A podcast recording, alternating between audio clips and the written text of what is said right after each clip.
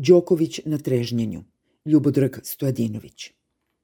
Vulin je primio Đokovića u zgradi MUPA gde je šampion stigao na sobstvenu odgovornost. Poseta je protekla u srdačnoj atmosferi i pokušajima uzajamnog razumevanja. Čak i kod Vulina, Đoković je pokazao koliko je veliki, trudeći se da razume ministra.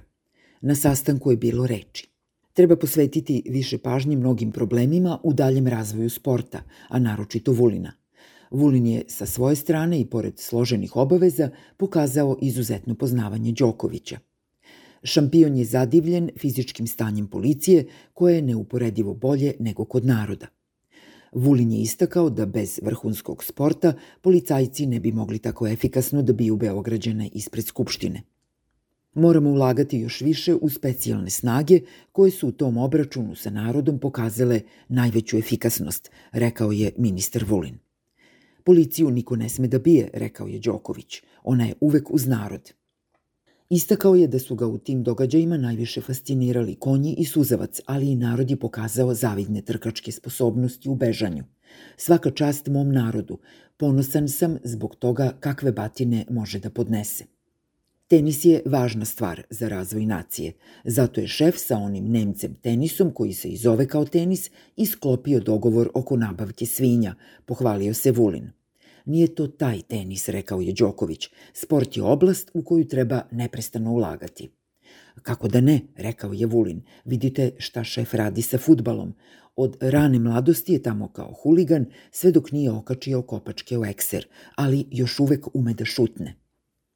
Sport doprinosi pravilnom razvoju dece i afirmaciji omladine u Srbiji i svetu, rekao je Đoković. Eno ga gospodin Palma, na primer. On je kao dete bio jako kržljav.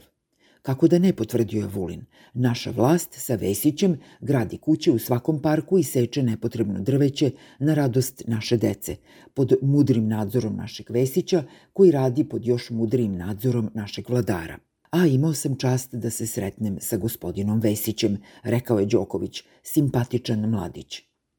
Vulin je istakao da je bavljanje sportom značajno posebno za mlade i da doprinosi tome da deca ne odrastaju na ulici, već da u ranoj mladosti imaju određene navijačke grupe kroz koje će se usmeravati u skladu sa svojim najboljim potencijalima. Đoković se složio da je takva omladina naša budućnost jer drugu omladinu i nemamo. Vulin je izrazio uverenje da će grupe koje se fizički odgajaju pod kontrolom vlasti i dalje imati najbolju fizičku kondiciju i biti zaštita narodne države od gramzive opozicije. Izrazio je žaljenje što se ranije nije priključio njima, jer bi možda izgradio bolji fizički status. Ma nema veze, rekao mu je Đoković. Kakav si, takav si. Niko nije savršen, priroda radi svoje. Vulin je želeo da pita Đokovića šta je to kick servis, mada više voli overdrive, a naročito drive, volej i spin. Tokom razgovora Đoković je u sali ministarstva demonstrirao dvoručnu backhand dijagonalu i forehand paralelu. U prostoriju odmah upala grupa za borbu protiv demonstracija, pa ih je ministar nagrdio. Marš napolje, bando pokvaren. Ministar policije naglasio da u svemu što radimo predsednik mora da bude inspiracija pa i putokaz, uključujući ćevape koje poslednjih dana ne ispušta iz usta.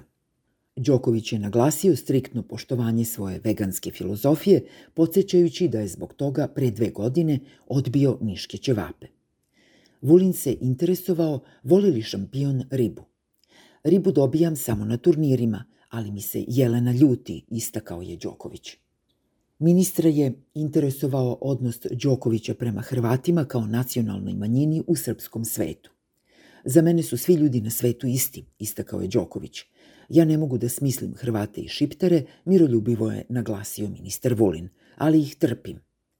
Šampione je zanimalo ko od elite igra tenis. Svi uzimaju reket, rekao je ministar, ali nemamo dovoljno lopata. Lopti? Da, to, Naš Vladimir Đukanović je za vas rekao da ste idioti psihopata, rekao je ministar, kad ste ono navijali za Hrvatsku protiv Rusije. Đokovića je interesovalo ko je taj Đukanović. Najbolji šefov drug, istakao je Vulin.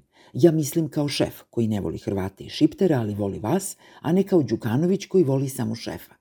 Hoću da se izvinim zbog toga, ali ne smem, volim obojicu. Mogao bih da odigram jedan set tenisa protiv predsednika, izrazio je svoju želju Đoković. Mislim da on nema vremena za čitav set, ali moglo bi na penale.